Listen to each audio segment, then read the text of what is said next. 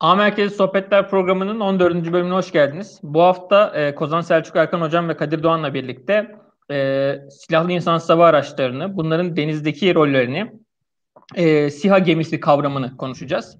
E, hoş geldiniz. Herkese merhabalar. Hayırlı kandiller. Teşekkürler. Herkese hayırlı kandiller. Ben e, yine her zaman gibi bir, bir girizgah yapacağım. Ondan sonra e, sizlere pas atacağım. Tabii. Olur. Evet, şu an sunum ekrana geldi. İzleyicilerimiz sunumu görüyor. Evet, mevcut durumda e, TCG Anadolu'ya ilk başta e, uzun zamandır F-35 konuşlandırılması konusu e, düşünülüyordu. Bu konu gündeme geliyordu. Daha sonra e, politik olaylardan sonra F-35'in e, Türkiye'ye gelmemesi durumunda e, ve TCG Anadolu'nun etkinliğini arttırmak amacıyla buraya bir e, silahlı insan savarı konuşlandırılması fikri ortaya atıldı. Mevcut durumda bu fikrin bize getirileri ne olacak? Özellikle taktik ve stratejik anlamda. Teknik anlamda bunun zorlukları neler olacak? E, hangi e, faydaları sağlayacaklar silahlı olarak veyahut da istihbarat keşif anlamında bize ne gibi fayda sağlayacaklar bunları bu programda konuşacağız. Geçtiğimiz günlerde Haluk Bayraktar tarafından ilk olarak e, TCG Anadolu'ya siyah konuşlandırılacağı açıklandı. Daha sonra e, daha doğrusu e, TB3 gibi bir yani daha e, daha yerine tartışılacak insan savaşının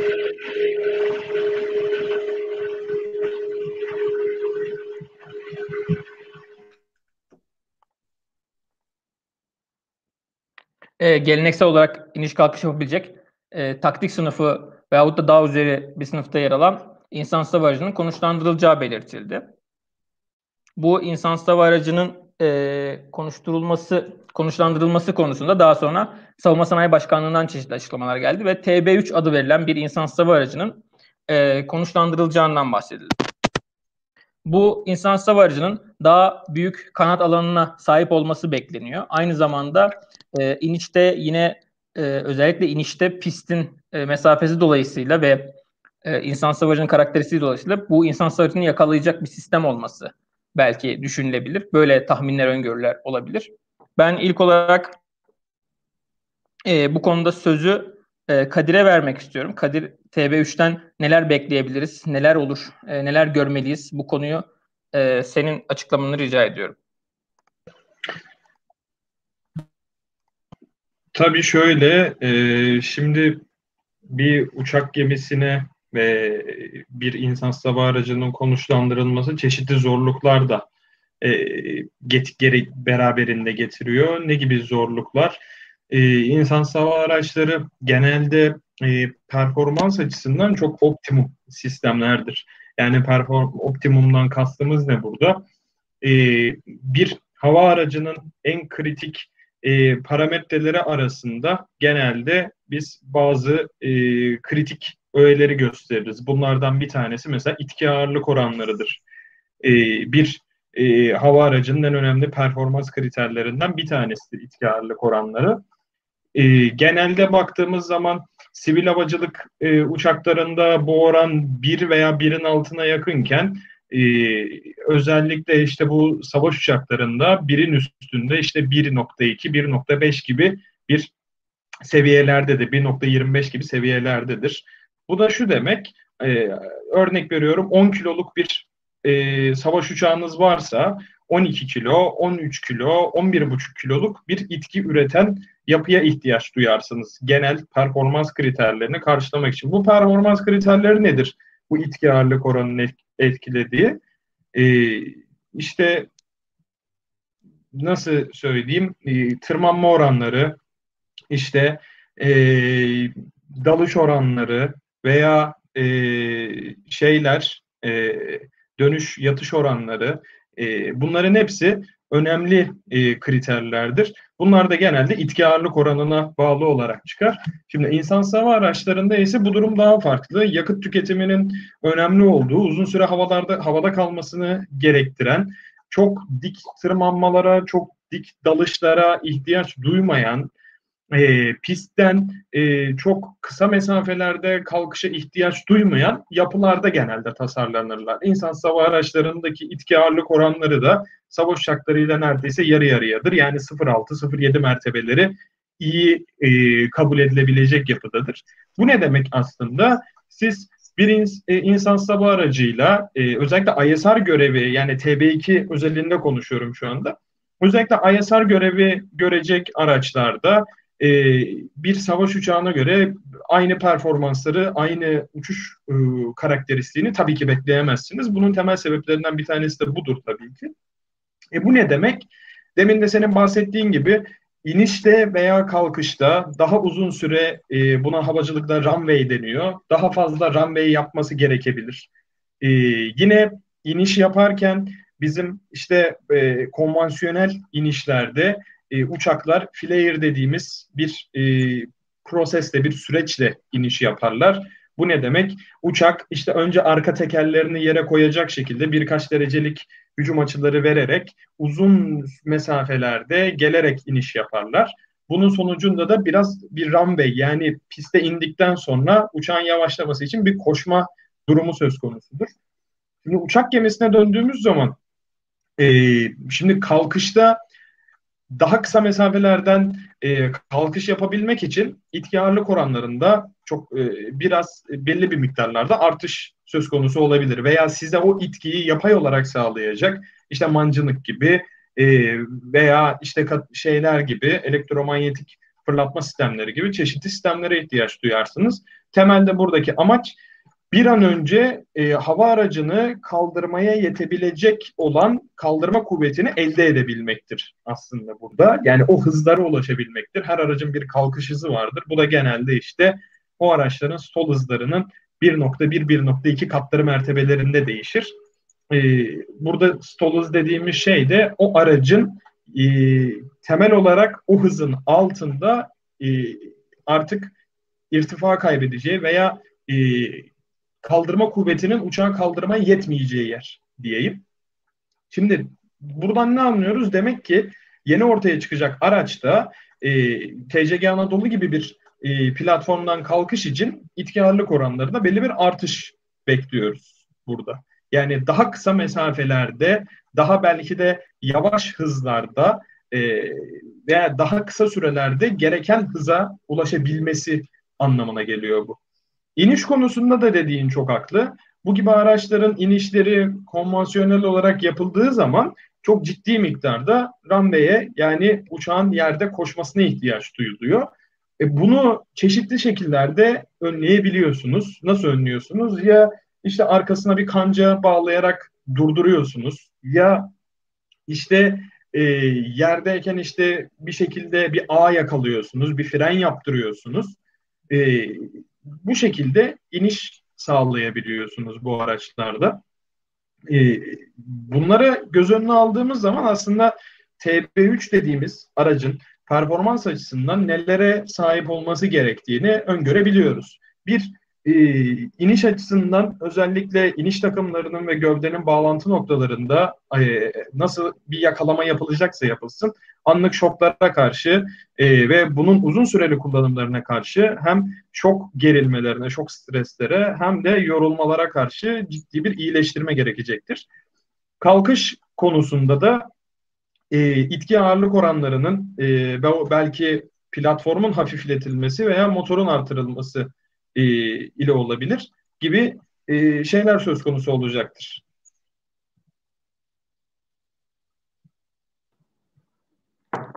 Teşekkürler Kadir. Ee, bunun yanı sıra e, şunları da ekleyebiliriz sanırım. Bizim bahsettiğimiz insan hava araçları, insan hava araçlarının konuşlandırılması bize e, özellikle bu platformlardan kullanılabilecek e, insan sistemlerine ciddi tecrübeler katacaktır. Deniz havacılık konusunda hali hazırda zaten önümüzde aşmamız gereken önemli bir yol varken sabit kanatlı araçlar konusunda Hı-hı. özellikle bunların bize katacağı tecrübeler de oldukça faydalı olacaktır. Bu noktada özellikle Hı-hı. denizcilik anlamında bize katacakları noktasında, deniz havacılığına bize katacakları noktasında da Kozan Hocam'a e, söz vermek istiyorum. Hocam siz bu konuda neler söylemek istersiniz? Ee, açıkçası Deniz Kuvvetleri ve e, Savunma Sanayi Başkanlığı bizi beklemediğimiz yerden vurdu ama çok güzel vurdu. Yani çok sevindik böyle e, bir cevapla dönülmesine. Biz en başta e, döner kanat ve basit bulut altı e, dikine iniş kalkış yapabilen hatta Baykar'ın da bu modelleri vardı. O yüzden de biz zaten indireceğiz deyince Hı-hı. dedik ki e, Baykar'ın bu e, bulut altı dikine iniş kalkış yapan bir modeli çalışacak bunda diye. Gayet böyle hani hani başlangıç ama ne güzel dedik. Sonra e, önce Haluk Bayraktar yanılmıyorsam bir gün öncesinde e, şey yaptı. Kendi uzun süren bir e, mülakatında e, TB2 gibi bir e, uçağın kalkacağını söyledi. Böyle Allah Allah hani ama TB2 derken TB2 performansında ısrarla vurguladıkları buydu yani TB2 kalkacak demiyorlar aslında. E, ardından savunma sanayi e, başkanı da aynı şeyi söyleyince e, dedik ki bu iş, bu iş ciddi. Hani gerçekten demek ki e, isterler ve üzerinde çalışılan sistem TB2 performansında bir e, insansız hava aracının bu gemiden kalkacağı yönündedir. E, neler katacak bize şimdi? Düşünsenize e, toplam 10 tane e, TB2 ile Libya'daki savaşın gidişatı değişti. Gene benzer tabii daha fazla sayıda da olsa e, TB2'lerle e, Karabağ'da ciddi anlamda Karadağ'da ciddi anlamda şey yaratıldı. E, güç dengesi de yaratıldı. Bir hava kuvveti olarak o çalıştırıldı. Şimdi herkesin düşündüğünün aksine e, bunların olması e, her zaman için bir artıdır. Hava deniz havacılığı dediğimizde şu anda elimizde 200 kilometre öteye insansız olarak gönderip e, nokta atışı yapabilen bir sistem elde etmiş oluyoruz. E, helikopterle yapamayacağınız kadar yüksekten uçan, çok daha güvenli bir bölgede kalan, çok daha küçük alan e, radar kesit alanına sahip e, ve bunları yaparken çok çok daha ucuz olan bizim özellikle aslında insansız hava araçlarındaki başarılarımızın en önemli kısımlarından birisi maliyet etkin ama çok kaliteli çözümler sunmamızdır. Yani biz e, bir insan hava aracını örneğin Amerikalılar e, şu anda MQ-9'ları yapıyorlar, Reaper'ları. Muhteşem sistemler. Gayet hızlı, gayet güzel. Fakat e, Hindistan'a sattıkları sistemlerin tanesi 100 milyon dolara kadar ge- çıkmaya başladı ekstra sensörler ve isterler sebebiyle. E, bizim e, Ukrayna'ya sattığımız TB2'lerin fiyatı ne kadardı? Şey sistemi dahil birim başına 5 milyon dolara mı geliyordu? 3 milyon dolara mı geliyordu? O civarlarda bir şey olması lazım. E, baktığınızda tamam performansı daha düşük. Hani netice itibariyle Reaper'ın e, sistemleri çok daha fazla gelişmiş, silah taşıma kapasitesi daha fazla vesaire vesaire ama e, kaybedebilme özelliğine sahip oluyorsunuz. Yani siz aynı anda havaya 10 tane deniz denizden hava aracı kaldırdığınız anda, insan hava aracı kaldırdığınız anda karşınızdakine çok ciddi bir tehdit oluşturuyorsunuz. 10 tane hava aracı buna cevap verebilmek için ya hava kuvvetlerinin karşılık vermesi gerekiyor veya uzun menzilli veya orta menzilli hava savunma sistemlerinin tamamen yerlerini değiştirip, bakış açılarını değiştirilip e, karşılık vermek üzere yeniden konuşlandırılması gerekiyor. Dünyanın neresinde olursa olsun bu tür bir tehdide cevap verebilmek için yapması gereken budur. Başka bir yöntemi yoktur bunun.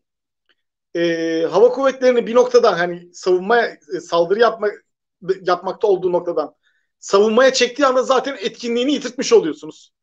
E, keza aynı şekilde de hava savunma sistemini başka bir noktaya taşıdığınız anda gene bir ciddi gedik açmış oluyorsunuz. Bunu e, tek bir ülkeye bağlı olarak söylemek istemiyorum ama pek çok ayrı ülkede yani herhangi bir deniz kıyısından yapacağınız operasyonda size çok büyük bir etki yaratıyor. Bunu da gördük işte.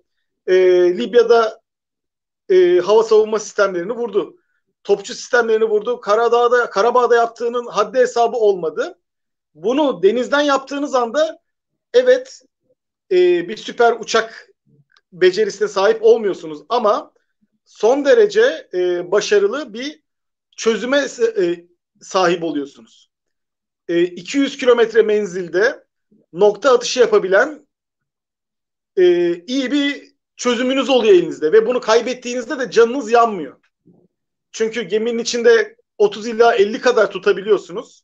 Aynı anda 10 tanesini havada tutabiliyorsunuz. Ee, becerinizi bu şekilde düşünün yani hani nasıl anlatalım? Birliğiniz ya da oraya gidecek olan çıkarma birliğiniz en basit yani bir şey senaryo yaratıyoruz burada. Ee, kıyıya varmadan önce nokta atışıyla zaten e, vurulması gereken hedefleri vuruyor. hava savunmasından tutun da topçu birliklerine, kıyı savunma bataryalarına vesaire vesaire gibi bütün şeyleri bunlarla vurabiliyorsunuz ki gitgide lazer güdümlü sistemlerimizin de menzilinin uzamaya başladığını görüyoruz. Bu da çok iyi bir şey. Ee, daha uzaktan, daha uzun me- e, menzilden vurarak e, insan savaş araçlarımızı da korumayı sağlıyoruz. Çok büyük bir artı yaratıyor. E, bunu başarabilir hocam, miyim? Hocam şöyle bir noktaya ben bir değinmek isterim. E, bu noktada bu işte özellikle e, bir nokta var bence özellikle değinilmesi gereken ve dikkat edilmesi gereken. Şimdi insan sava araçları hep söylüyoruz. Aslında e, birçok noktada bir hava unsuru olarak birçok hava savunma sistemi için e, özellikle katmanlı yapıdaki hava savunma sistemleri için görece kolay hedefler. Neden? Yavaş hareket eden, e, işte belli bir işte görev profili olan yani bir işte hava aracı şeyden insan hava aracından şeyi beklemeniz çok mümkün değildir. İşte şu kadar yaklaşsın bir tane seyir füzesi atsın hemen geri dönsün çok hızlıca. İşte süper cruise'e de çıksın şunu da yapsın bunu da yapsın gibi bir şeyleri çok bekleyemiyorsunuz. Çünkü ISR dediğimiz görevlerde yani işte TB2'lerin, Ankaların veya Aksungur'un Akıncı'yı ayrı bir noktaya koyuyorum. E, yaptıkları şey genelde şu. Belli bir noktayı sürekli izleyip kontrol altına alıp hedefleri işaretlendikten sonra imha edilmesine dayanıyor.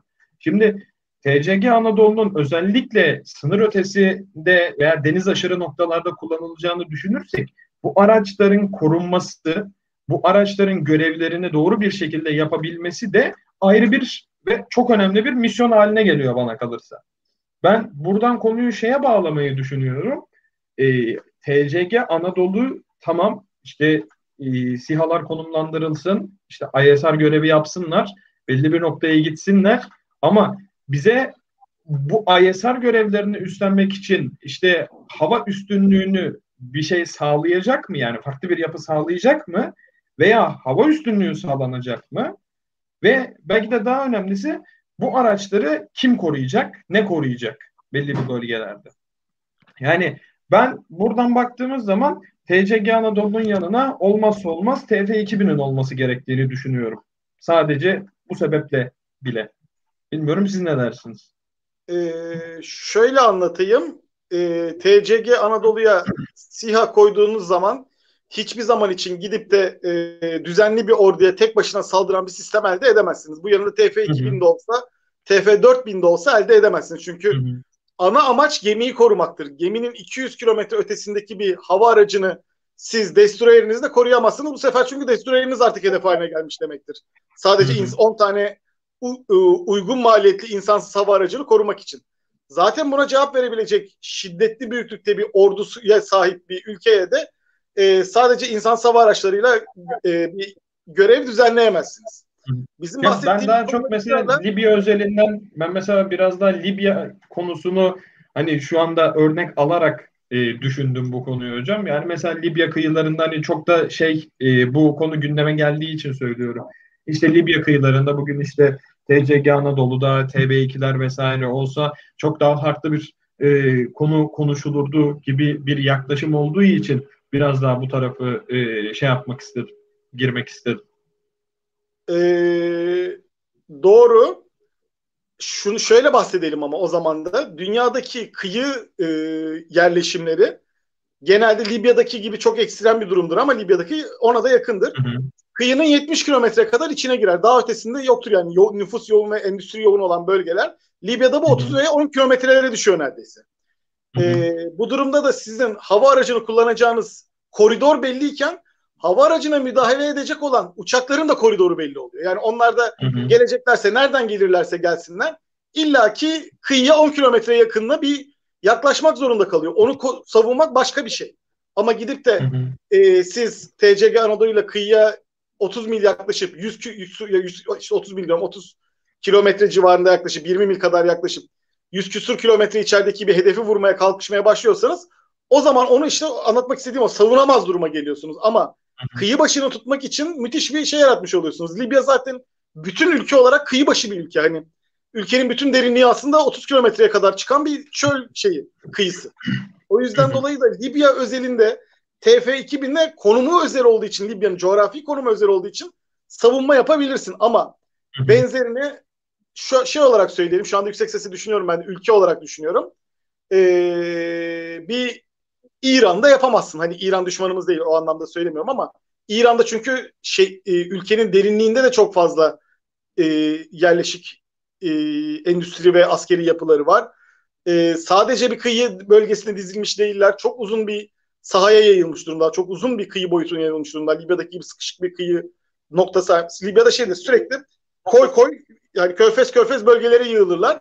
Geri kalan aralar bile boştur. O yüzden dolayı da e, uzun menzilli bir hava savunma destroyeriyle hakikaten bölgesel savunma yaptığınızda savunabilirsiniz. Ama İran'dı atıyorum kafadan e, Pakistan'dı bunlar hani ekstrem örnek olarak yani Pakistan'ı çok söylemek istemedim ama hani ne bileyim Myanmar'dı gibi ülkelerde bu senin dediğin gibi şey yapamazsın. Cenge giriyormuş gibi gidemezsin. Amacın sadece kıyı başını tutmak olur. Onda da kıyıya savunmak için zaten gemiyle kıyı arasına TC Anadolu kıyı arasına TF2000 olacağı için görece bir savunma sağlar ama kaybetmeyi kabul ediyorsun zaten. Bu gemi yani bizim hı hı. E, insan sava araçlarımızın ana özelliği maliyet etkin olmasıdır. Bunu e, Arda Mevlütoğlu bir yayınında çok güzel anlatmıştı. Bizim en başarılı olduğumuz şey yani süper insan sava aracı yapmıyoruz. En optimum insansız aracı yapıyoruz. Yani bizde insan sava aracının maliyeti çok uygun. Bu sayede de biz bunu kaybettiğimiz zaman yerine yenisini maliyet etkin bir biçimde koyuyoruz. Ee, biz on e, artık ne diyeyim rakip güce, düşman demeyelim de rakip güce verdiğimiz zarar onların insansız hava aracını vurduklarında zaten insan hava aracı maliyetinin 10 katına varmış oluyor. Bu gözle bakmak gerekiyor. Şimdi sen e, bunu zaten bir uzun menzilli hava savunma füzesiyle durdurursan füzenin değeri Yine 3 milyon dolar. Kârdasın. Patriot 3 yani Patriot 2'lerin ve Patriot 3'lerin maliyeti 3 milyon dolar. Sen hı hı. insan hava aracına bunu attığın anda zaten maliyet etkinliği yitiriyorsun. Bir başka hı hı. örneği de şöyle vereyim sana. Örneğin Yunanistan. Şu anda Yunanistan'ın bütün hava savunma radarları sadece Türkiye'ye bakar. Başka hiçbir ülkeye bakmaz. Yani 360 derece bakan sistemleri zaten e, Patriotlar da 360 derece bakmıyor. Ellerinde olan bütün hava savunma sistemleri e, birbirine hala daha bağlayamadılar. O yüzden dolayı da Allah aşkına iyi bir şey bu. E, Skyguard'lar olsun, kontraversiler olsun, e, ORL 35'lerin radarlı sistemleri olsun, onlardan bağımsız çalışan Fransızların Coratıl'ları olsun, şusu olsun, busu olsun, Rusların torları olsun, hiçbirisi S-300'leri olsun. E, birbiriyle hem bağlantısızdır hem de hepsi sadece Türkiye'ye bakar. Yani Adriyatik Denizi'nde hava savunmasını bırakın hiçbir şekilde hava trafiğini dahi gözetlemiyorlar. Gözetleyemiyorlar. Çünkü tamamen bütün stratejilerini Türkiye sınır yani onu, bütün ülkenin tek bir cephesi var. Biz öyle bir cephe üzerine kurmuyoruz zaten stratejimizi. Hı hı. Fakat Yunanistan örnek bu örnek olarak söylediğim bir şeydir. Bütün savunma cephesini tek Türkiye'ye bakmak üzere. Siz 10 tane insan aracıyla Adriyatik tarafından bir mücadelede bulunduğunuzda hava kuvvetleri bir anda belli bir kuvvetini şeye çevirmek zorunda. Adriyatik tarafına çevirmek zorunda. Hava savunma sisteminin önemli bir miktarını Adriyatik kıyısına çevirmek zorunda. Bu sefer de kendi gedikler oluşmaya başlıyor. Hem hava kuvvetlerinde hem hava savunmasında vesaire vesaire böyle gedikler oluşmaya başlıyor. E, menzil olarak dediğinizde zaten e, geminizi ve grubunuzu hava savunma yapabilirsiniz. Elimizdeki e, hem Gabyalarla hem de Barbaros sınıflarıyla noktasal olarak gemimizi ve görev gruplarımızı savunabiliriz. Ama hani hem hava e, hem İHA'larımı savunacağım hem düşmanın iç içine kadar müdahale edeceğim diyorsan o mümkün değil açıkçası. Yani ama benim de tam kastettiğim şey oydu aslında hocam. Desteklemek adına söyleyeyim. Tabii Biraz ki. şey gibi bakmamak lazım konuya aslında. TCG Anadolu'ya bir sihaları konumlandırdığımız zaman çok e, şu ankinden farklı bir rol beklememiz e, çok mümkün görünmüyor açıkçası bana kalırsa. Yani işte bir şey bile koysak biz onun içine e, oldu da bitti. Mesela diyelim yaptık, başardık, e, testlerini de yaptık. Muse gibi bir aracı bile koysak o bize o bölgede tek başına işte bu hava üstünlüğünü veya oradaki o e, dominansı e, yakalatamayacaktır. Ve yine biz e, ISR görevi artı ISR'la birlikte o hedeflerin işte imhası e, üzerinden bir kurgu yapmamız gerekecek. E, ve bu da diğer unsurlarla birlikte desteklenince kıymeti daha da artan e, bir yapı olarak öne çıkacaktır. Tabii ki zaten e, belirtilen de bu aletlerin topu topu üzerinde iki tane ya da dört tane mamle taşıyacağı. Hani öyle hı hı. bir kuvvet çarpanı olmayacak. Sadece çok önemli hı hı. bir etken olacak bu. Anlatmaya çalıştığımız hı hı. o ısrarla. Siz Aynen şöyle öyle. anlatayım. Velev ki dış baskıdan çekinen Pakistan, ah Pakistan neyse dilim yapıştı. Libya ya Türkiye ben senden yardım istiyorum ama havaalanlarımı açamayacağım veya havaalanlarım vuruldu. O yüzden dolayı Bayraktar TB2'leri indiremeyeceksin. Ama senden resmi olarak yardım talebinde bulunuyorum dese en kolay ulaşabileceğiniz şey TCG Anadolu ve e, üzerinde olacak e, insansız hava araçlarıdır. Taktik insansız hava araçlarıdır. E, burada şunu unutmamamız gerekiyor. E, TB2'den kastımız şudur. 300 bin saat uçmuş bir platform var elimizde. Bu 300 bin saat uçmuş platformdan çok ciddi bir tecrübe elde edildi. Dehşet bir rakam. 300 bin saat uçmak deyince herkes uçuş saati olarak anlıyor ama binlerce inme, binlerce şey yapma, e, kalkış yapma, binlerce sert iniş yapma, binlerce karşıt rüzgar, yandan rüzgar alarak iniş yapmakla ilgili olarak oluşturulmuş tecrübeleri ve algoritmaları var. Yani biz hep şey düşünüyoruz. E, nasıl olacak işte şunu yapmak gerekiyor falan. Bunlar zaten aslında yapılıyor. TB2'nin ben defalarca sert inişten dolayı iniş takımlarının kırıldığını ve tekrar değiştirilip tekrar güçlendirildiğini biliyoruz. Ee, ilk haliyle şimdiki hali arasında fotoğraflarda bile fark gördüğümüz için bunu çok rahat söyleyebiliriz. Keza aynı şekilde pek çok kontrolünde de yazılımsal sürekli geliştirmeler yapıldı. Bu sayede e, uçak gemisinden yani uçak gemisinin de TCG Anadolu'dan kalkabilmesini mümkün görüyorum. İlla da mancınık veya e, mancınık derken e, katobar şeklindeki buhar katapultu ya da elektromanyetik katapult olmasına da gerek yok.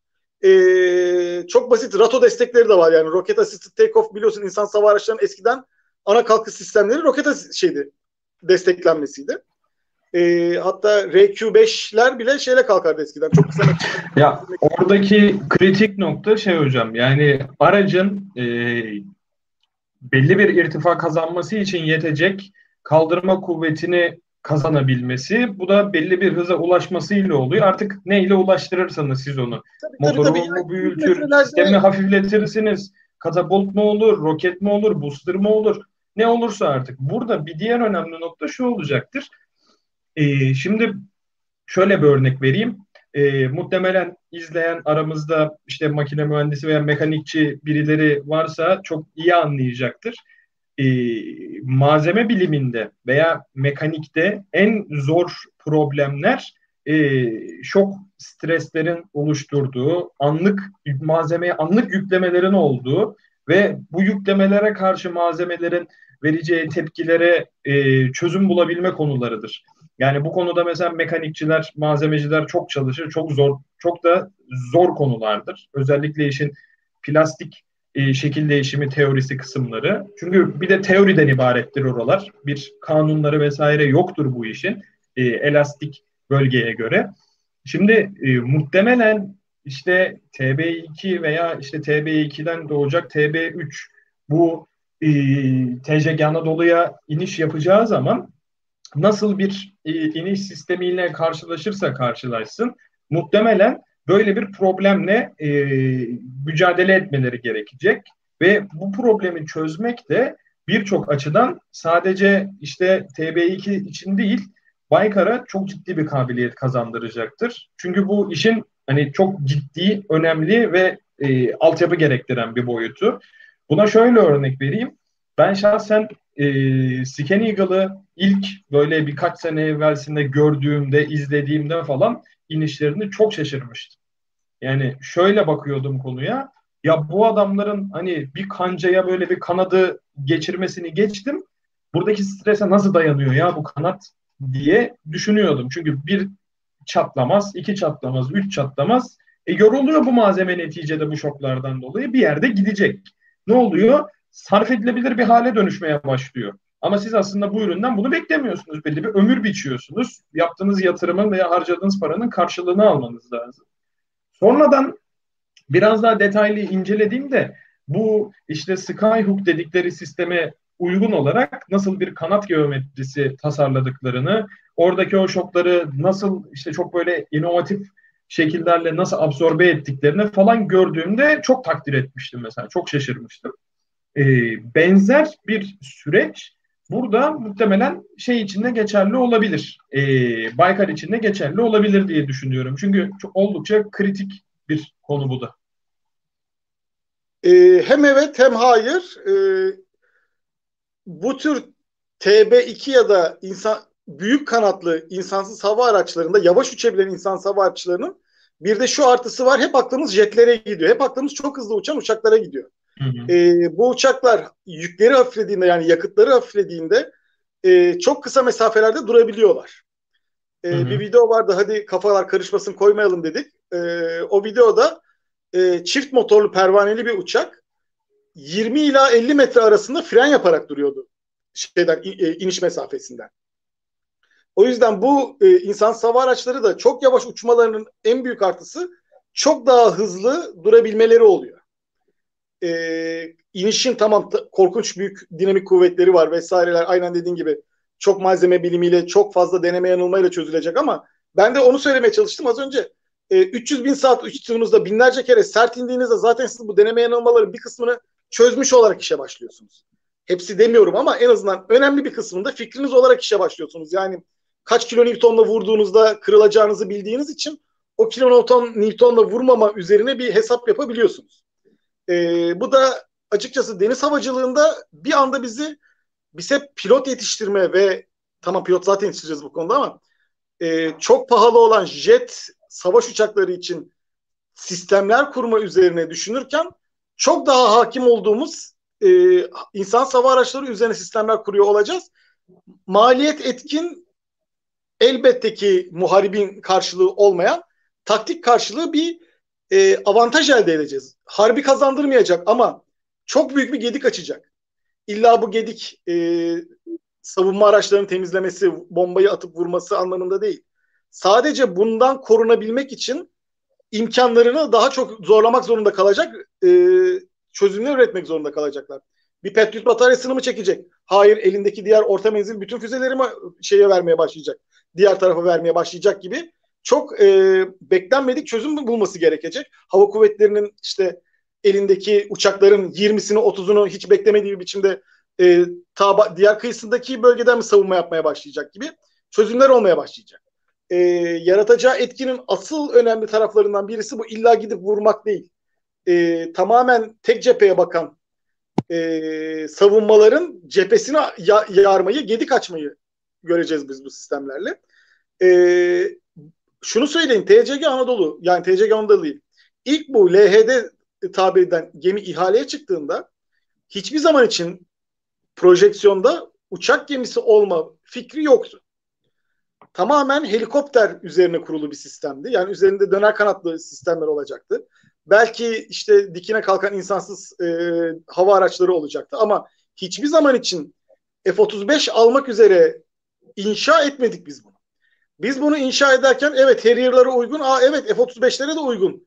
O zaman düşünebiliriz diye gelişti bu sistem ki şu anda da hala söylüyorum TCG Anadolu F-35'e hazır değil. F-35'i uçurabilmemiz için bütün pist sisteminin tekrar yapılması gerekiyor. O yüzden dolayı da çok acele hani almadık ya da bugün tamam size veriyorum dese e, İtalyanlarınki gibi 30 ila 40 haftalık şeye girmesi gerekecek. Overall'a girmesi gerekecek. Yani o yüzden dolayı da hani e, çok bir kaybımız yok. O anlamda söylemeye çalışıyorum.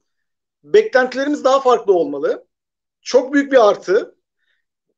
Ama hani çok büyük bir artı dediğimiz şey girecek, bütün hattı yaracak, düşmanı tam arkadan vuracak, oradan şey yapacak gibi bir şey değil. Aksine gedik açan bir nokta olacak. Çünkü netice itibariyle aynı anda havada 10 tane insansız hava aracımız olacak. Ee, yaratacağı etki bu. Onu göstermeye çalışıyoruz yani.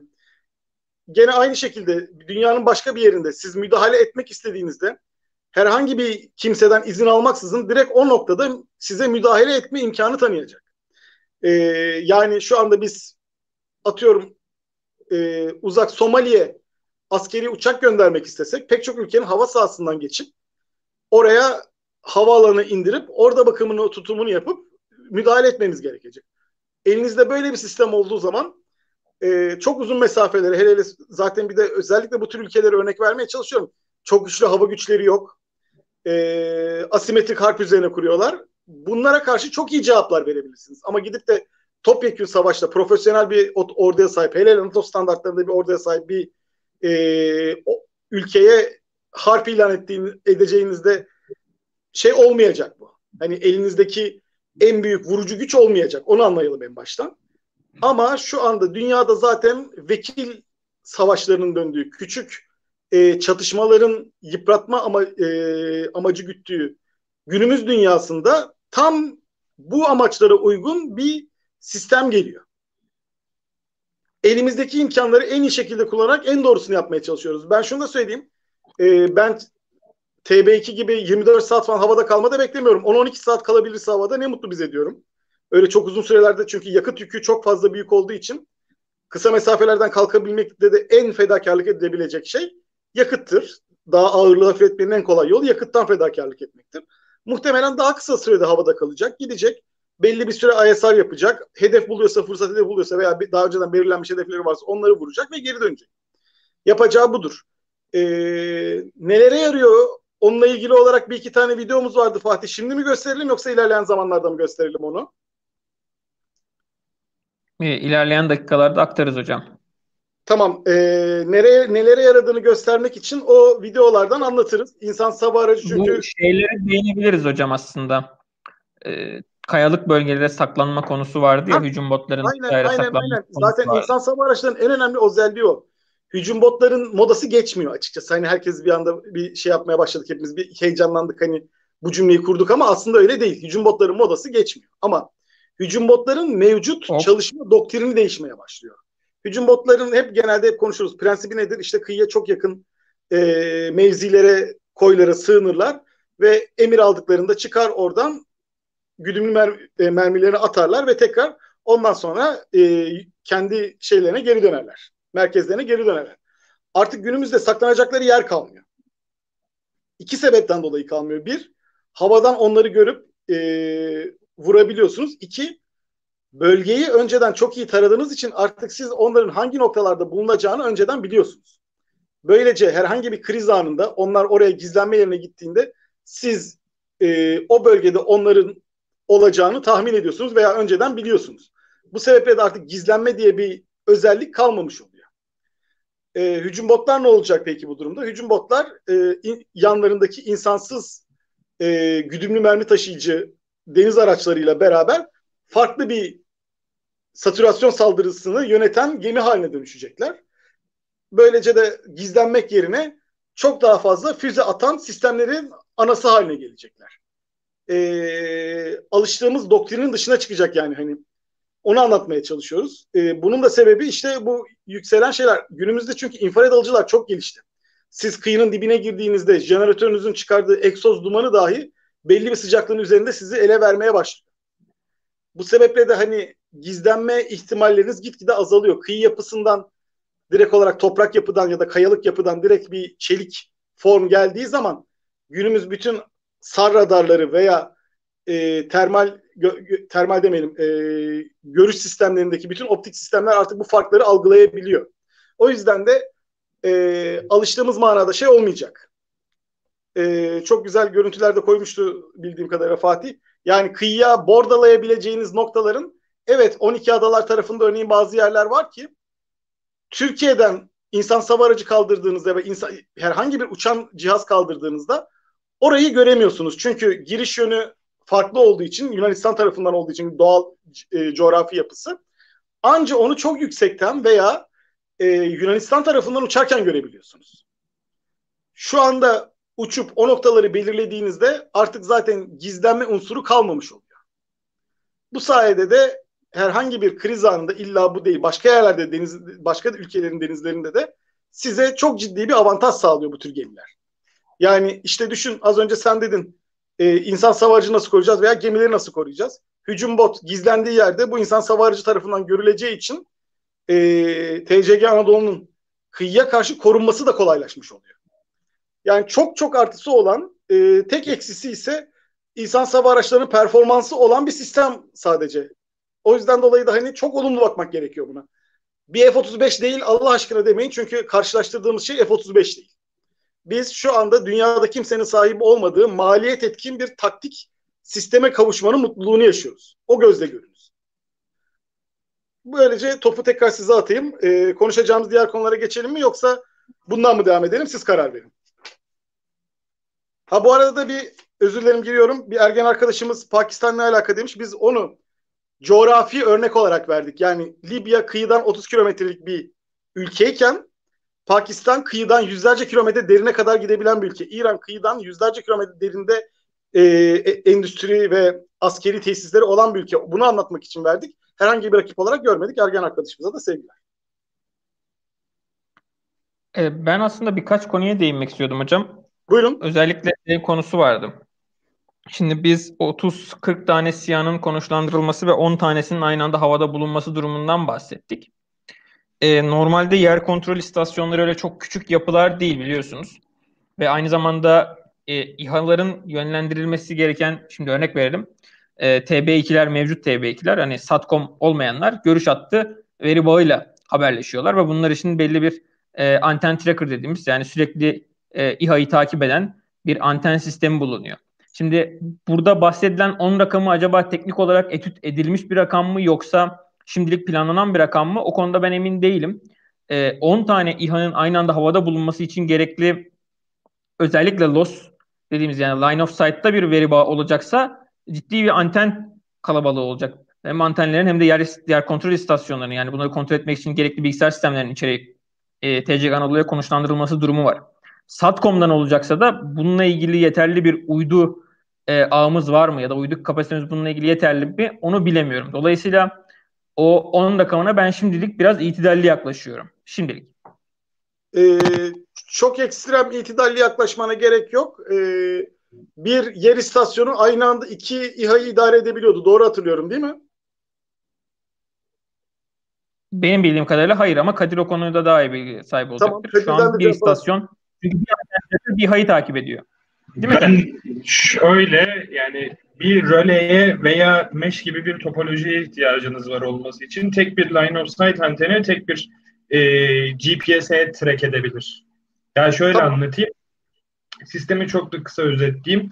Karşınızdaki İHA metadata olarak veya işte diğer uçuş dataları içerisinde size şeyi gönderiyor. Benim GPS konumum bu diyor. Altta bir tane anten tutan pantil sistemi var. GPS konuma göre line of sight'ı sürekli ayarlıyor böyle. Siz bu sayede tek bir konuma yapıyorsunuz bunu. Hani fark bunları artırılması adına havada bir röleye veya mesh gibi bir topolojiye ihtiyacınız var çevirmek için. Yani bir tane anten bir tane şeyi görüyor e, İHA'yı. E, zaten 10 rakamı e, o kadar ekstrem değil. E, en azından gemi büyük. Gemi büyük olduğu için de içine 5'ten fazla şey sığabilir diye düşünüyorum. Kontrol istasyonu veya zaten kontrol istasyonu değil de büyük ihtimalle antenle çözecekler olayı. Geri kalanı konsol olacağı için. Yani 5 ayrı kontrol yani 10 ayrı kontrol istasyonu yerine 5-8 e, antenle ya da işte 10 antenle teorik maksimum olarak e, çözülecek diye düşünülüyor. Yani aynı anda 10 tane olmasının faydası satüre etmenize yarar. Ama aynı anda 10 tane yoksa da e, faydasız değildir yani. Hani. Şöyle bir şey yapayım hocam. Ona da e, ekleme yapabilirim. E, şimdi bahsettiğim şey genelde kullanılan benim yönlü antenler. Şimdi işte RF antenleri directional işte e, işte vertical, horizontal directional ve evet, omnidirectional evet. gibi değişiyor. Şimdi oraya belli bir e, ağ yapısı içerisinde tamamen Satcom'dan bağımsız konuşuyorum şu anda. Evet, evet, evet. Tracking anten konusuna konuşursak mesela çok büyük, güçlü tek bir omni antenle çözülebilir bu. Bu da teknik olarak mümkün. Ama şu anda bizimkiler gönüllü antenle yapıyorlar. Ama hiç kullanmadık onu evet. Hı hı. Aynen ya belki işte Omni bir antenle e, belli bir aralıkta belli bir range'de birçoğuna da e, link bağlantısı kurulma ihtimali olabilir. Yani teoride mümkün bir şey bu da teknik açıdan. Anladım. Dediğim gibi bu dünyada ilk defa yapılacak bir şey. O yüzden dolayı hani e, şu anda daha önce olmayan bir şey olduğu için çok ilginç bir e, konu ve çok da güzel bir konu açıkçası e, şuursuz bir umut içinde değiliz. Daha ayakları yere basan, daha makul bir e, beklenti içerisindeyiz öyle söyleyelim. E, 10 değil 5 olur, 10 değil 7 olur ama belli bir adet uçak havada kalarak e, bir çözüm yaratabileceğini düşünüyoruz. Bu da iyi olur açıkçası. Yani aynı anda 5 tane e, havadaki insan aracı işte Libya'da dengeyi değiştirdi. O gözle bakalım yani. Evet ben zaten işe yaramaması açısından söylemedim ama teknik olarak tabii, dediğim gibi şeyi sorgulamak istedim o noktada. Ya Aynen, mesela İHA sayısında da aynı şey benim için bir sorgulama durumu söz konusu. Mesela Bayaktar TB2 özelinde konuşursak 12 metre kanat açıklığına sahip bir insansız hava aracı. Ee, TB3'te yani buraya iniş kalkış yapacak İHA'da nasıl olur? Daha kanatlar kısaltılır mı kısa, uzaltılır mı bilmiyorum ama 12 metrelik bir insansız hava aracı. Harrier bile 9.25 metrelik bir kanat açıklığına sahip. Dolayısıyla 30 tane İHA'nın kaplayacağı alan çok geniş olabilir. Katlanır kanat yapısı vesaire gibi şeyler düşünülecektir elbette ama e, orada bahsedilen sayılar şu an bence biraz ortalama gibi geldi bana ya da hedeflenen sayılar gibi geldi. Projedeki teknik ilerleyişe göre bayağı oynayabilir sayılar. Hem oynayabilir hem de ayrıca Harrier daha yüksek. Bunu üst üste iki kat olarak da tutabilirsin. O yüzden dolayı çok fazla şey yaşamazsın yani. yani o gözle düşünmek gerekiyor. Ee, İkinci Dünya Savaşı'nda da uçaklar biliyorsun üst üste tutuluyordu. İlla hepsi evet. sırayla dizilecek diye bir mana yoktu yani.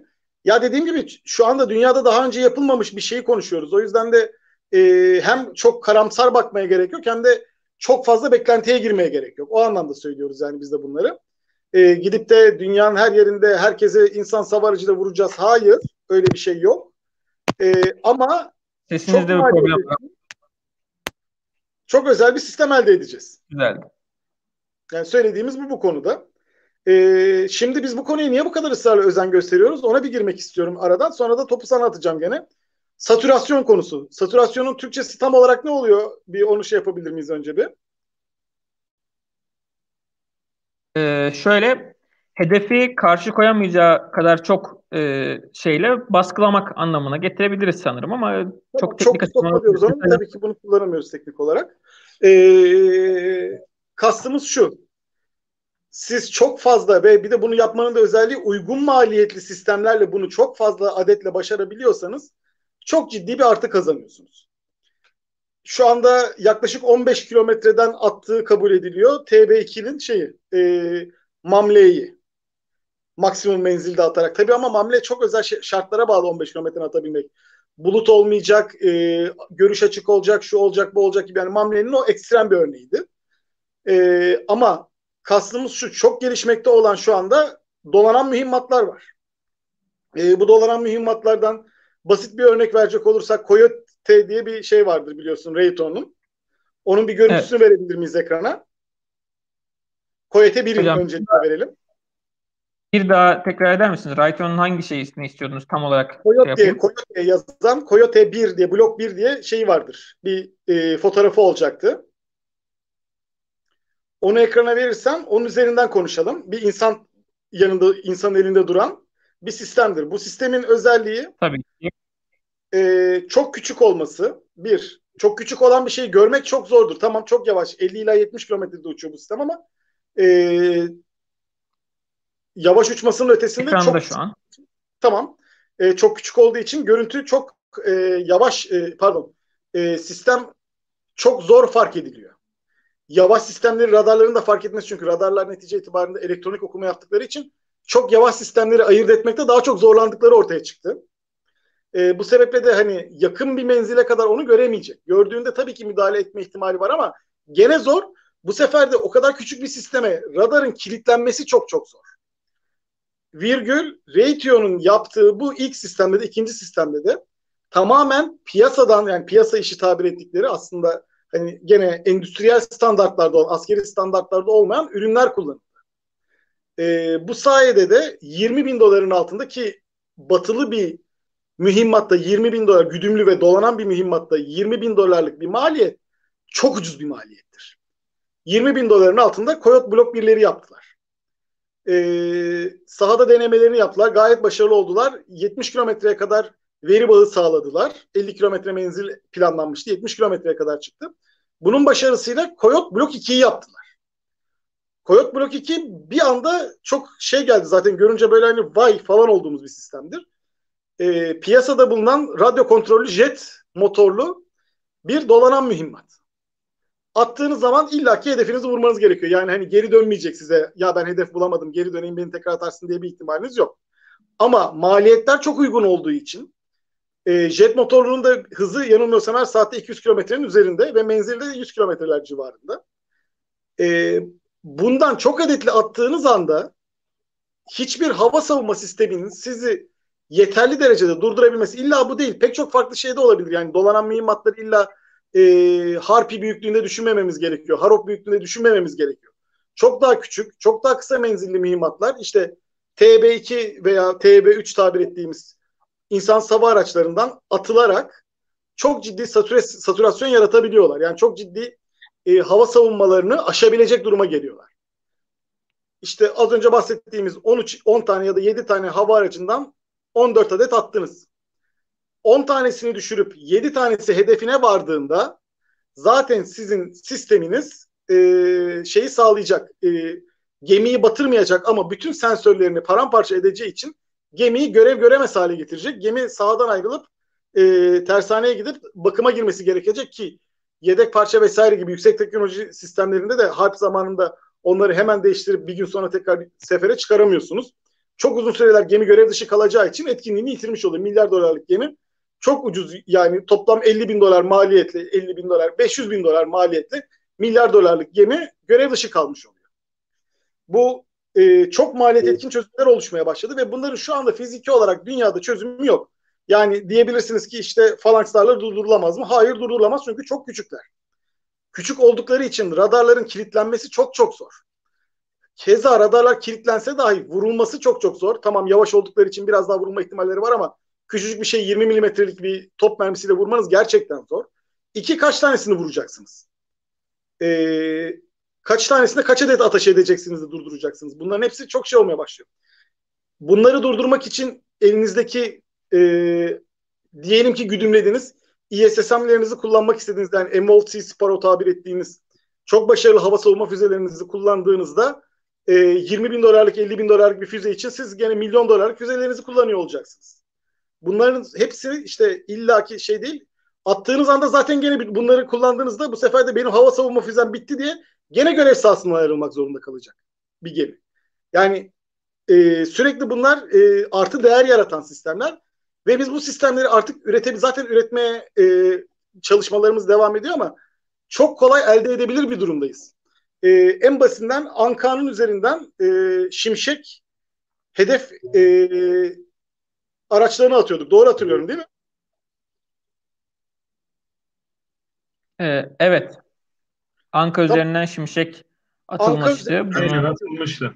Evet Anka üzerinden atılan Şimşek'te aslında ana amaç e, yüksekten atarak e, performansını evet, arttırmakta. Ama, o görüntü. Tamam hani Anka'da onu yaparken ki ana amaç hiçbir zaman için hani e, biz bunu dolanan mühimmat yapalım değildi ama dolanan mühimmatlarda da fiziki form Anka'dan çok farklı değil. Ya Anka pardon Şimşek'ten çok farklı değil. Veya Turna'dan gene aynı şekilde o da bir başka hedef mühimmatımızdı. Turna'dan çok daha ekstrem farklı bir e, fiziki formları yok. Yani bu sistemler e, çok pahalı e, gemilerin, çok pahalı deniz araçlarının her türlü e, hava savunma sistemlerini aşabilecek kapasiteye sahip. Çok adetli oldukları sürece. En önemlisi o. Çok adetli olup da çeşitli açılardan illa da hani 360 derece farklı yönlerden gelmeleri falan gerekmiyor. 60 derecelik bir açıyla yaklaşıyor dahi olsalar geminin savunma sistemlerini artık yetersiz kılmaya başlıyorlar. Çünkü aydınlatma yapmak için küçük konikler oluşturmak zorunda olduğu için gemi savun aydınlatma radarları bu sefer e, diğerlerini görememeye başlıyor. Yani e, elde edilmesi ve operasyon olarak kullanılması çok kolay sistemler bunlar.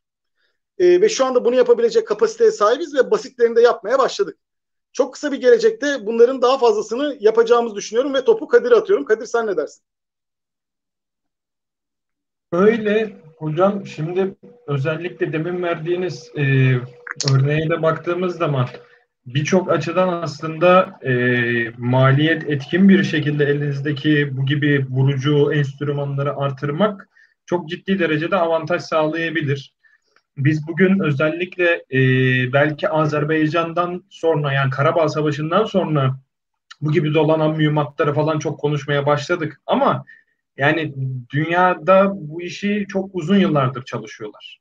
Yani Harpiler yanlış hatırlamıyorsam 99'du ilk e, şeyleri başladıkları zamanlar. Yine Amerikalıların vesaire işte bu konuda çok ciddi çalışmaları var. Evet, Özellikle evet. şimdi e, yine dediğinize hocam destekler nitelikte bir proje söyleyeyim. E, iş artık şu noktaya da gidiyor. Geçen yayında işte Arda abiyle de konuşmuştuk. F-35'e falan entegre edilebilecek DARPA'nın geliştirdiği daha geçen ay sanırım işte Lockheed'a e, vermişlerdi yanlış hatırlamıyorsam. E, bir proje var Longshot diye. Ya evet. Temel temel mantığı şu aslında e, çok kabaca e, izleyiciler için anlatayım. Bir hava aracından bırakılan bir e, şey düşünün, mühimmat düşünün. Mühimmat diyeyim artık ne denebilir çok da bilmiyorum da adına. O mühimmat kendisi belli bir e, irtifada, belli bir hızla, belli bir süre seyir edebiliyor ve hava hava füzesi fırlatabiliyor. Yani bu ne demek? Aslında size şunu sağlıyor. Bir hava aracının veya örneğin F-35 veya F-22 olsun bunun belli bir angajman kabiliyeti var. Belli bir işte menzili var. Siz aslında böyle bir mühimmatı kullanarak örnek vereyim e, bin kilometre ötedeki bir yere çok keskin bin kilometre ötenizdeki bir noktadaki bir hava aracına karşı bir e, şey harekat yapmayı planlıyorsunuz. 500-600 kilometre bir F-35 ile gittikten sonra bu mühimmatı bırakıp bir 200-300 kilometre bu mühimmatın gitmesini sonrasında da bir belki 100 kilometre 50 kilometre de oradaki hava hava füzesinin gitmesini sağlamış oluyorsunuz. Yani birbirine bağlı kontrol edilebilen işte o F-35, F-22 neyse ana platformdan kontrol edilebilen 3 tane yapı görüyoruz biz burada. İşte hem long shot kontrol ediyor, long shot'tan da işte füze, hava füzesi kontrol edilebiliyor. Ne oluyor? Bir anda hiç derinlere girmeden çok arkada kalarak karşıdaki unsurlara karşı angaje olma kabiliyeti sağlıyorsunuz. Şimdi biz e, platformlardan atılan bu gibi dolanan mühimmatları bugün konuşmaya başladığımız gibi bunlar bizi gelecekte long shot gibi şeylere konuşturmaya da itecek bu noktada. E bu ne olacak? Bu kez şeyi düşüneceğiz. İşte hava kara hedeflerini tamam hallettik dolanan mühimmatlarla artık çok işte böyle keskin bir şekilde e, bir navigasyon sağlayarak vuruş yapabiliyoruz. Tamam artık angajmanımızı artırmamız lazım. Ne yapalım? Longshot gibi bir şey yapalım. Böyle bir kabiliyet kazanalım. Ne olur bu da bize hiç derinlere girmeden karşı taraflara angaja olmamızı sağlar. Bu da bizi çok ciddi elimizde kullanabileceğimiz bir enstrüman yaratır. Yani bu gibi e, şeyleri düşünmek bile, bunlara kafa yormak bile birçok açıdan size sınıf atlatabiliyor. Eğer elinde varsa Fatih şeyi de gösterebilirsin. Geçen sunumda vardı galiba. Long shot'ın da bir işte fotoğrafı falan bir şey koyabilirsin e, izleyicilerin daha iyi anlaması adına da. E ben şahsen çok e, böyle takdir ettiğim, beğendiğim inşallah Türk savunma sanayisinde de görürüz dediğim e, projelerden bir tanesidir yani. Tabii bilim kurgu gibi olmaya başladı artık aslında. Hani e, long shot'ı herhalde 10 sene önce söyleseniz bilim kurgu diye konuşurduk yani. Hani şu anda ise gayet gerçek evet şeklinde konuşuyoruz. Hani bizim de yapmamız gerek şeklinde konuşuyoruz. Hani teknoloji inanılmaz hızlı ilerliyor. Buna karşılık e, savunma sistemleri hele hele yakın savunma sistemleri o kadar hızlı gelişemiyor. Bu da önemli bir etken. Çünkü baktığımız zaman az önce konuşuyorduk işte e, satürasyonla bu tür çok küçük ve ucuz sistemlerin vurabileceğini. Bunlar her gemiyi vurabiliyorlar. Yani e, bir rakip ülkenin gemisi vurulurken gayet sizin donanmanızın gemisinde durumu çok farklı değil. Onu anlatmaya çalışıyoruz. E, çünkü sizde de dünyadaki standart e, savunma yakın hava savunma sistemleri var. E, ana savunma gitgide şeye dönmeye başlayacak. Bu tür insansız hava araçlarının veya e, ne diyelim dolanan mühimmatların atılmadan önce durdurulmasına yönelmeye başlayacak. Yani çok daha uzaktan, çok daha uzun menzilden bun, e, bunları atacak olan aracı vurur, vurarak e, dolanan mühimmatın göreve başlamadan durdurması. Çünkü dolanan mühimmatı attığınızda herkesin unuttuğu bir şey var. Bunlar yarı otonom ya da otonom sistemler. İlla ben bunda göreceğim. Aa işte gördük tamam ona kilitlen, butona bas, git, vur demiyorsunuz. Çok basit e, ba, e, görüntü prosesiyle başarabiliyorlar bunu.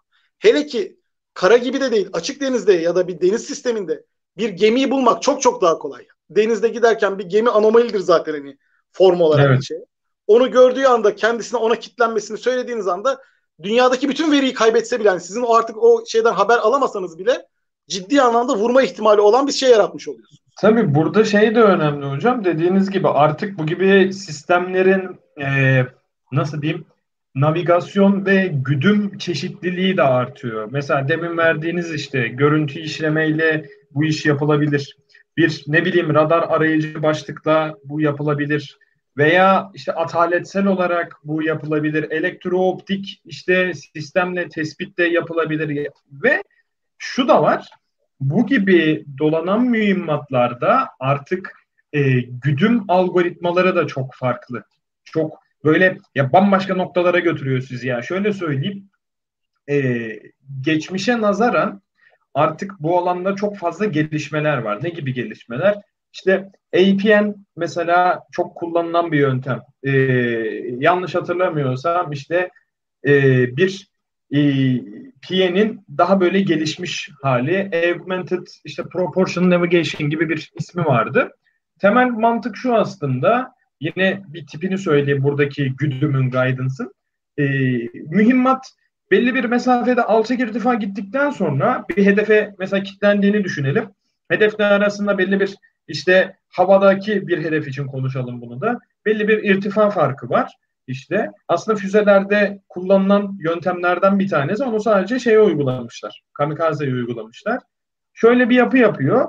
Belli bir irtifa üstünden kilitlendikten sonra uçtuktan sonra anlık olarak çok yüksek hızlarda da, şey dalış yapıyor ve siz sadece şey duyuyorsunuz. Bir akustik bir etki duyuyorsunuz. Sonra bir bakıyorsunuz mühimmat kafanıza patlamış siz. Yani öyle 70 derecelerde falan bir dive yerine çok daha dik işte 90 derecelerde çok derin e, dalışlar yapılabiliyor. Bu da nereden geliyor? Hem işte e, bu güdümü yapabileceğiniz enstrümanlarınızın sayısı gitgide artıyor. İşte arayıcı başlıklar, ne bileyim işte radarlar, elektrooptikler falan filan bir ton şey sayabiliriz. Ve bunları destekleyebileceğiniz algoritmalar da artıyor. Otomatikman böyle e, çok fazla bileşeni olan çoklu bir kombinasyon çıkıyor ortaya. Bu kombinasyonların her birini durdurmak belki de ayrı bir e, savunma kabiliyeti gerektirecek şeyler. İşte bana bir tane işte elektrooptiği olmadan radar arayıcı başlık falan varken işte e, bir kamikazeyi nasıl durdururum? Bu bir sorun. Elektrooptik varken nasıl durdururum? Bu ayrı bir sorun. Deep dive yapanı nasıl durdururum?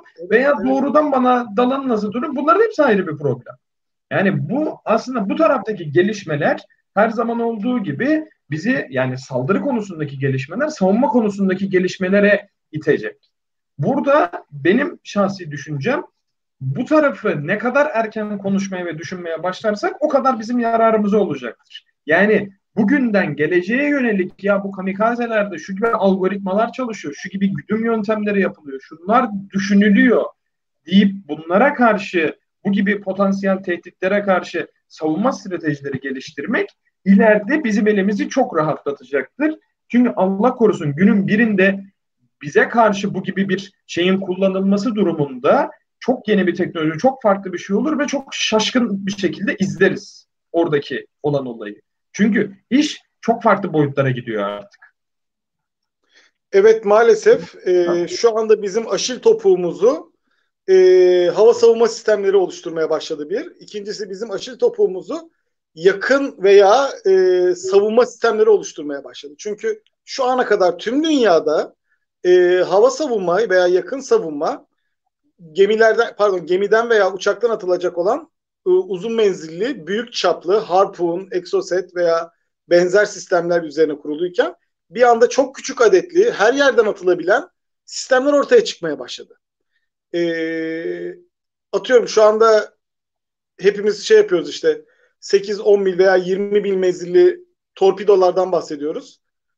Bir denizaltı uydudan gelen veriyle sadece bildiği bölgeye 6 tane içinde üçerli beşerli e, dolanan mühimmat olan şeyi attığında torpidoyu atsa daha menzile girmeden 50-60 kilometre öteden atsa ve tekrar geri gitse hiçbirimizin haberi olmadan şey yapmış olacak. Yani platformların çeşidi ve sayısı artmaya başladı. Mühimmatların çeşidi ve sayısı artmaya başladı. Az önce çok güzel söyledim. Hangi güdümle neyi durduracaksın? Hangi güdümü neyle durduracaksın? Ee, sadece gemileri büyük füzelerden korumak için yapılan işte chaff flare veya o şeylerin atılması dahi yüz binlerce dolarlık maliyetler. Siz işte 3 tane 20 bin dolarlık e, dolanan mühimmatı durdurmak için belki yüz binlerce dolarlık şey yakacaksınız. E, savunma sistemi yakacaksınız. Milyar dolarlık geminizi korumak için. Korumak için. Bir de aslında dolayısıyla dediğinize ek yapıyorum hocam. Kendinizi de bir nebze kısıtlamanız gerekiyor. Neden kısıtlamanız gerekiyor? Demin mesela söylediğiniz gibi tehditi kaynağında veya kaynağına çok yakın bir şekilde sizin yok etmeniz gerekiyor. E, tehdidi kaynağına çok yakın bir noktada birçok şey öngörülemez olabiliyor. Yani şöyle örnek vereyim. İşte sizden e, uzun mesafelerde olan bir e, işte dolanan mühimmatta işte şu anda ve birçok şeyi düşünelim. E, bunda hem arayıcı başlık var, hem mesela diyelim işte elektrooptiği var ve farklı farklı güdümler yapılabildiğini düşünelim. Yani Harop'un bir tık gelişmiş halini düşünelim şu an. Böyle bir sisteme karşı yani adam geliyor üstünüze doğru. Elinizdeki argüman en, enstrümanlar belli. Hangisini şey yapacaksınız? Öncelik vereceksiniz. Yani ben bu adamın elektrooptik sistemiyle mi baş etmeliyim yoksa arayıcı başlıktan mı baş etmeliyim? Yani işte veya bu işte APN'le mi bana dalacak? Yukarıdan mı gelecek? Soldan mı gelecek? Buradaki esneklik gittikçe artıyor. Bunu geliştiren adamlar buradaki e, alternatiflerini, buradaki çeşitliliklerini sürekli artırmaya başlıyorlar. Ve bu çeşitlilik arttıkça kaynağında bunları yok etmekte oldukça zor bir hale gelecek gelecekti. En azından konvansiyonel yöntemlerle çok zor haline gelecek. Evet, e, ısrarla anlatmaya çalıştığımız şey şu. E, günümüzün gelişen sistemlerinde mevcut gemilerimizi nasıl koruyacağız? Örneğin e, ada sınıflarımızda çok güzel RAM sistemlerimiz var ama bu RAM sistemleriyle satürasyona karşı nasıl cevap vereceğiz? e, ha, mevcut karada başarmaya başladığımız e, Hisar O'nun dün yapılan, evvelsi gün yapılan denemelerinde işte menzili 25 artı o da aslında ayrı bir konu da 25 kilometre o kadar büyük bir füzenin menzili maksimum olduğuna inanası gelmiyor insanın ama resmi beyanat o diye öyle kabul edelim. Ee, neden inanmıyorum onu da söyleyeyim bir araya gireceğim konuyu değiştirmek istemiyorum ama İtalyanların S-Fight tabir edilen e, Sea Sparrow'a benzeyen ya da AMD'ye benzeyen zaten hemen hemen onun kopyasıdır. E, sisteminin roket motorunu Roketsan yapıyor. Ve bunların e, denizden atılan versiyonlarının menzili 27 kilometreydi. Siz bu S-Spide büyüklüğündeki bir rokete bir booster tabir ettiğimiz ek itici ekliyorsunuz. Bayağı bir ciddi mesafelere ve hıza çıkartıyor. Ondan sonra ateşleniyor. Ve bunun toplam menzili 25 kilometre diyorsunuz e, bence çok daha fazla olduğunu yüksek sesle düşünüyorum ki Roketsan bunu hep yapıyor. E, resmi açıklamalara bakacak olursak e, SOM'un menzilini 130 kilometrelerde açıklarken e, kendi açıklamalarında 230 kilometre olduğunu gördük. Lockheed Martin'in resmi sunumlarında 277 kilometreye ulaşacağına dair kendi açıklamaları vardı. Yani iyi bir şey tamam bütün veriyi vermeyelim gerçekte ama 25 kilometrede çok artık inandırıcı değil açıkçası e, Hisar O için. Yani umarım ki daha iyidir. Bu şunu gerektiriyor işte. İnsan savarcından siz bir satürasyon mühimmatı atmak istiyorsanız demek ki günümüz şartlarında 50 kilometre civarında bir orta menzilli füzenizin olması gerekiyor. Peki e, bizdeki değil dünyadaki pek çok e, gemiye baktığımızda kaç tane orta menzilli füze alabiliyor üstüne? 8 ya da 16. Daha fazla alamıyor yani şu anda gemilerin büyüklüğü daha fazlasına yetmiyor. E bu durumda siz aynı anda havada 10 tane uçağınız varsa bunların hepsini vursalar dahi sizin daha fazla uçak yani uçak insan savar aracı göndererek o gemiyi satüre edebilme imkanınız doğuyor. Haliyle anlatmak istediğimiz bu. E, gemi belli bir zaman sonra hani bunların altısını sekizini vurduğunda artık biliyor olacak ki benim elimdeki savunma füzelerim yetersiz kalacak deyip bölgeyi terk etmek zorunda kalacak. Ya da intihar görevine çıktım ben diyecek. Hani son hız gelip menzilden e, füzelerimi atayım ne olacaksa olsun şeklinde bir amaca yönelik gidecek. Yani alıştığımız doktrinler çok değişiyor. Eskiden hatta şu anda da baktığımızda hava savunma sistemleri harpun atılacak üzerine, egzoset atılacak veya e, lazer güdümlü, maver, ma, lazer ya da TV güdümlü maverikler atılacak şeklindeydi. Fakat e, çok yakın bir gelecekte bu bambaşka bir şeye dönüşüyor. E, benim bu konuda söyleyeceklerim bunlar. E, Fatih senin ekleyeceğin bir şey var mı? Ben artık toparlayacağım hocam. Ee, şöyle. Genel olarak konuyu biraz toparlayayım. Şimdi genel olarak konuştuğumuz şeylerin özetine baktığımız zaman bu gidişatın mevcuttaki TB3 özelinde hani yeni yapılan açıklamalar üzerinde TCG Anadolu ve SİHA birleşiminin bize özellikle tecrübe anlamında katacağı çok şey var. Yeni bir döneme geçiş için bize kazandıracağı ciddi vizyonlar olacaktır. Belki e, operasyonel konseptler kazandıracaktır. Bu anlamda çok ciddi hizmetler edecektir. Bunları değerlendirdik genel olarak. İkinci aşamada gemi günümüzdeki birçok hava savunma unsurunun en temel e, sıkıntısı olan hatta en büyük yarası olan saturasyon saldırılarında insansız platformların çok ciddi e, potansiyeli olduğundan bahsettik. İşte kamikaze insansız hava araçlarının potansiyellerinden bahsettik. Bunlar genel olarak programımızın özetiydi. Ben açıkçası çok fazla bir şey eklemek durumunda değilim şu anda. Bazı e, genel konulara değineceğim. O da şu olacak. E, daha doğrusu sorulara geçeceğim şimdi. Sorulardan önce de e, çok fazla bir açıklama yapmak istemiyorum. Çünkü bayağı derinlemesine aslında konuyu inceledik. Buradan çıkartılabilecek çok fazla ders var. Konsept anlamında da çok fazla şey kazandırılabilir. Dediğimiz üzere saturasyon saldırıları özellikle çok ciddi anlamda ya da bahsettiğiniz gibi terör operasyonları olabilir Somali açıklarında. Bu tarz şeyler gündeme gelebilir. Biraz daha elimizde veriler geçtiğinde daha e, hedefe odaklı, daha net saptamalar yapacağız diye düşünüyorum. E, TB3 ile ilgili daha net bilgiler elimize geldiğinde bunlara değiniriz. Sorulara geçeceğim zaman da e, sorularda da soruları aktarıyorum. Aynen şu şekilde. E, 100 kilometre üzerinde e, havadan havaya füzenin başka bir uçağa vurması mümkün mü diye bir soru gelmiş. Biraz konunun dışında bir soru. E, bunu önceki yayında biz e, bayağı bir değinmiştik. E, şöyle ki mevcut e, hava hava füzelerinin yapısından da değinmiştik Arda abiyle yaptığımız yayında. Ben şöyle bir örnek vereyim. Birçok e, uzman, genel olarak konunun uzmanı 100 kilometrenin ötesinde bir e, menzilde hava hava füzesiyle özellikle yüksek manevra kabiliyetine sahip savaş uçağı vurmanın çok zor olduğunu söylüyor. Ama bunda tabii günümüzdeki yeni nesil IS radarların hesaba katılması, belki meteor gibi ramjetli mühimmatların hesaba katılmasıyla işler biraz değişiyor. Ama bu konuda şöyle bir örnek verebilirim. Mesela şu anda ABD'de ciddi anlamda şey konusu konuşuluyor. Hava hava hava füzelerine radar aktif radar güdüm dışında e, antiradyasyon gibi yani bizim karadaki radarlara tasarlanmış karadaki radarları vurmak üzere tasarlanmış har, e, harm füzelerine benzer e, ikinci bir e, antiradyasyon başlığının takılması gibi e, başlık teknolojilerinde ciddi ilerlemeler hedefleniyor hava hava füzelerinde de. Dolayısıyla orada da daha uzun menzilleri görebileceğiz diye düşünüyorum. E, kanca ile iniş için pervanenin önde mi olması lazım? E, Kadir istersen bu soruyu sen cevapla. Ya da kanca, mancınık ya da A ile iniş için pervanenin önde mi olması lazım? Şöyle doğrudan öyle bir kısıt yok aslında. Ee, yani şöyle örnek vereyim. Ee, bir iniş açısı var demin de bahsettiğim gibi işte e, flare açısı diyoruz biz ona. İşte ortalama 3 derece 5 derecelerde uçak hani şöyle elimde göstereyim. Şu şekilde şöyle yapa yapa yavaş yavaş böyle inmeye başlıyor.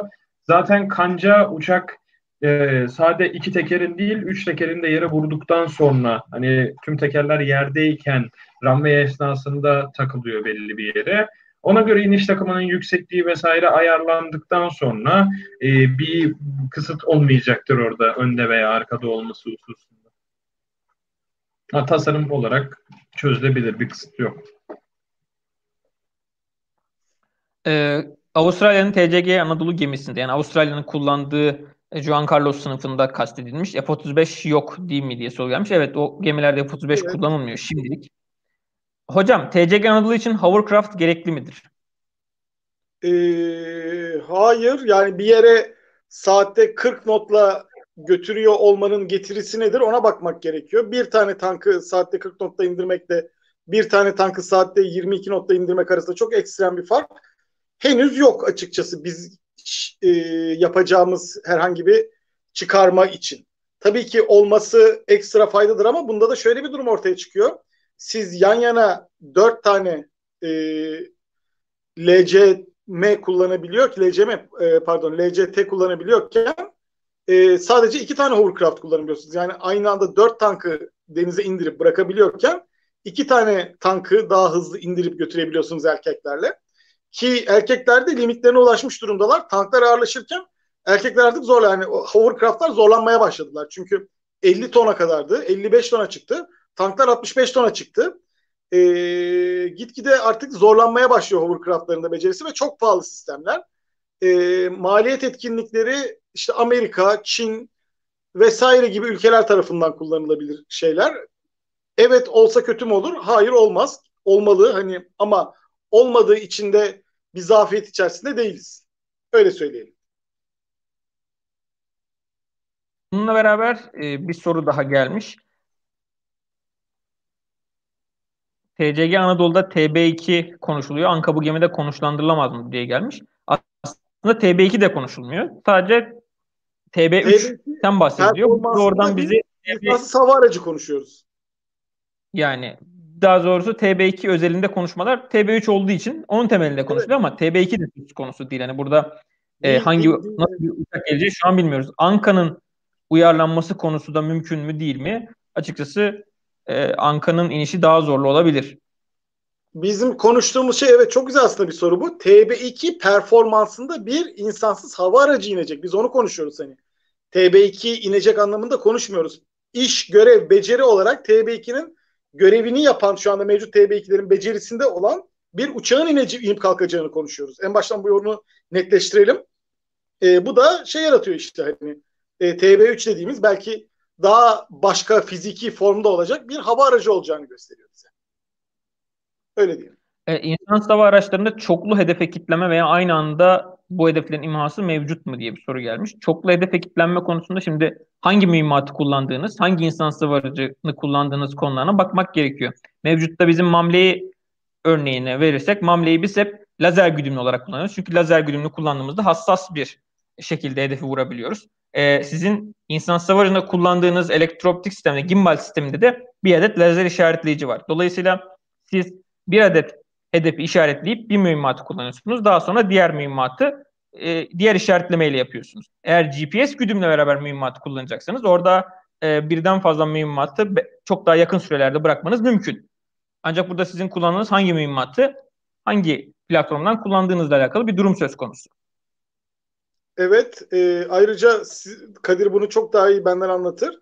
E, gimballerin içinde neler neler denediler. Aynı anda iki ayrı başlıkla gözetlemeyi denediler. İki ayrı gimballe gözetlemeyi denediler. E, maliyetinden dolayı yapamadılar diye biliyorum. Kadir'e sorayım burada e, daha doğru bir bilgi versin. Şöyle onlarda e, dediğiniz gibi maliyet etkenleri de var hocam. Aynı zamanda bazı e, nasıl diyeyim optik zorluklar da var o işin içerisinde.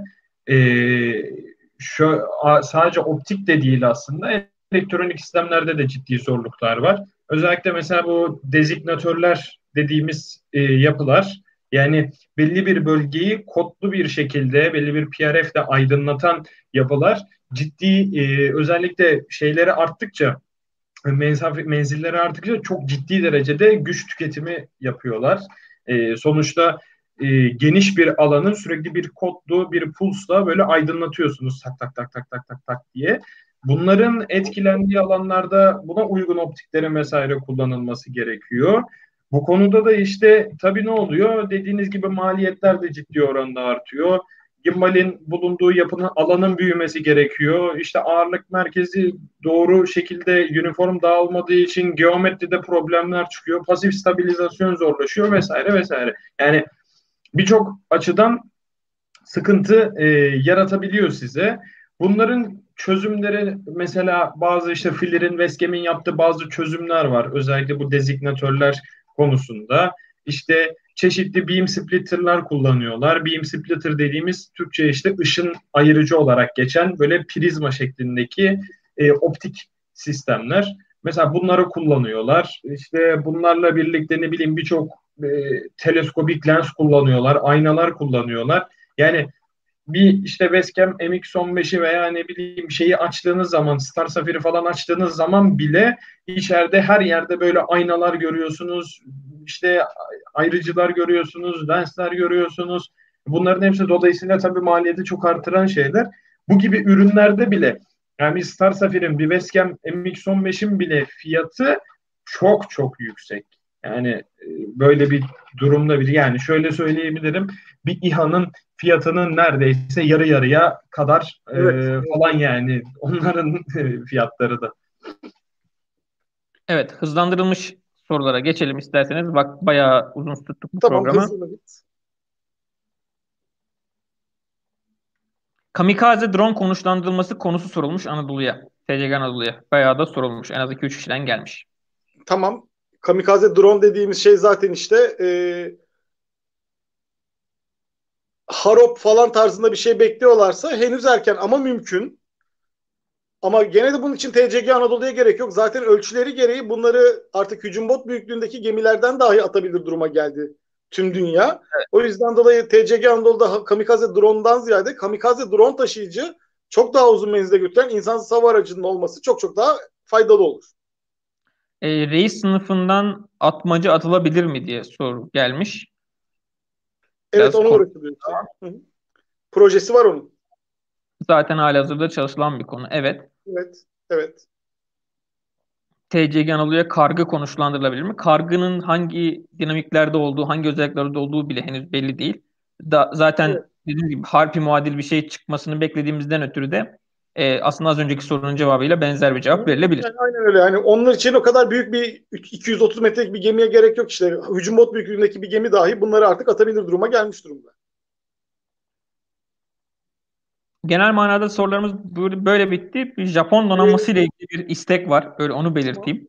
Japon ne donanması konuşabilir misiniz diye bir istek gelmiş. Japon İlerleyen donanmasını herkes yapıyor. Japon donanmasını öyle tek tek gemi gemi incelemek yerine şey yapabiliriz hani Japon donanmasındaki teknolojik manyaklıkları konuşabiliriz. Çünkü adamların yaptığı şeyler dünyada olmayan özellikler. Bir e, e, kendilerine ait bir Aegis e, ha, ha, şeyleri var. Harekat merkezleri var. Hani uzay gemisi Atılgan'da öyle bir bilim kurgu harekat merkezi olamaz. Bir komutan 360 derece tüm şeyi görebiliyor. Yani kendi döndüğü anda her yerdeki ekranlardan işte buradaki bölgedeki denizaltı, kara sistemleri, şeyler döndüğü anda öbür taraftaki ve yüzlerce kilometre ötesindeki bütün her şeye sahip. Yani dehşet bir sistemleri var adamların. Geçenlerde onu konuşuyorduk. Ee, Amerikalılar ilk başlayan Aegis'lerinde şey kullanırken HP'nin workstation'larını kullanırken yani bizdeki server tabir edilen e, bilgisayar sistemlerini kullanırken Japonlar cluster'la süper bilgisayar yapıyorlardı kendi gemilerinin içinde. Yani veri işleme kapasitelerinin fazlalığını düşün. Japonya'daki her gemi sancak gemisi olarak yani her Aegis e, de, destroyeri e, şey olarak çalışıyor. Sanca, tüm ülkenin sancak gemisi olabilecek kapasiteye sahip şekilde çalışıyor. E, karadan haricinde de yani bir anda şey oluyor yani komutayı üzerine devralabilecek kadar ultra kapasiteli sistemler yapıyorlar. Yani Japonlarda konuşacağımız şey asla şey olmamalı. Hani 50 tane füzesi var, 40 tane e, şeyi var falan olmamalı. Japonların teknolojik üstünlüğü Amerikalılardan bile olan üstünlüğü ki Aegis Upgrade'inde biliyorsun Amerikalılar şey yaptılar. Biz Japonların yaptığını yapalım geldiler. Gidip de evet. e, farklı bir şey yapmak yerine tamam biz de Japonların yaptığı upgrade'i kendimize birebir uygulayalım'a geldiler ki Aegis'in e, sensörlerini de Toshiba yapıyor zaten Japonya'da. O yüzden onun satılmasına izin vermedi Amerikalılar da Japonlar da. E, yani Japonları konuşacaksak bunları konuşalım. Oturup da Japonların e, gemilerinin kaç tane füze attığını ya da şeyini konuşmayalım. Evet, ilerleyen programlarda bunlara değiniriz hocam. Şimdi yani konuşacağımız e, konu kapatabiliriz sanırım. E, çünkü ee, son bir şey yapalım. O zaman bir e, bugüne yetişmedi. O Yunanlıların e, fırkateyn çılgınlığını bir ara bir sohbetini yapalım o zaman. İlla şimdi yetişmeyecek. Hocam oradaki fantezileri konuşmak için aslında ayrı bölüm bile oluşturabiliriz. Belharra'dan girdiler. ABD'deki LCS'lere gittiler. Nerelere geldiler. Fremler. Çılgın bir şey de gidiyor yani hani çok evet. eğlenceli aslında hani konuşsak ama aşağılama anlamında değil. Ülkede bir histeri oluştu ama bu histeriyi de e, iktidar partisi oluşturdu. Hani şimdi evet. Fransızlardan alıyoruz. Oho Almanlar öyle bir teklif verdiler ki çılgın işte bilmem neler mevcut gemilerini bize anahtarıyla teslim ediyorlar falan diye iktidar partisinin pompalaması üzerine oluştu bu şeyde e, insanlarda. Şey yani şu anda Adamlar hani böyle dört tane fırkateynle bütün ülke hava savunmasını e, Ege Denizi üzerinde e, yapma üzerine böyle fantazilere falan girişmiş durumdalar. Hani çok eğlenceli bir konu çıkar ondan ama bunda da dediğim gibi e, bizde hiçbir silah sistemi konusunda hiçbir zaman için hiçbir devlet yönetimi bu kadar e, abuk abuk mu diyelim artık buna bu kadar gaza getirici, bu kadar e, şey bir tutumda olmadı. Ondan hani e, uygun bir zamanda uzun bir program çıkartabiliriz ondan. Öyle diyoruz. O zaman şimdiki programı kapatıyoruz. İzleyen herkese teşekkür ediyoruz. Size Biz teşekkür, teşekkür ediyorum katıldığınız için. İyi, İyi akşamlar. akşamlar dileriz. İyi akşamlar.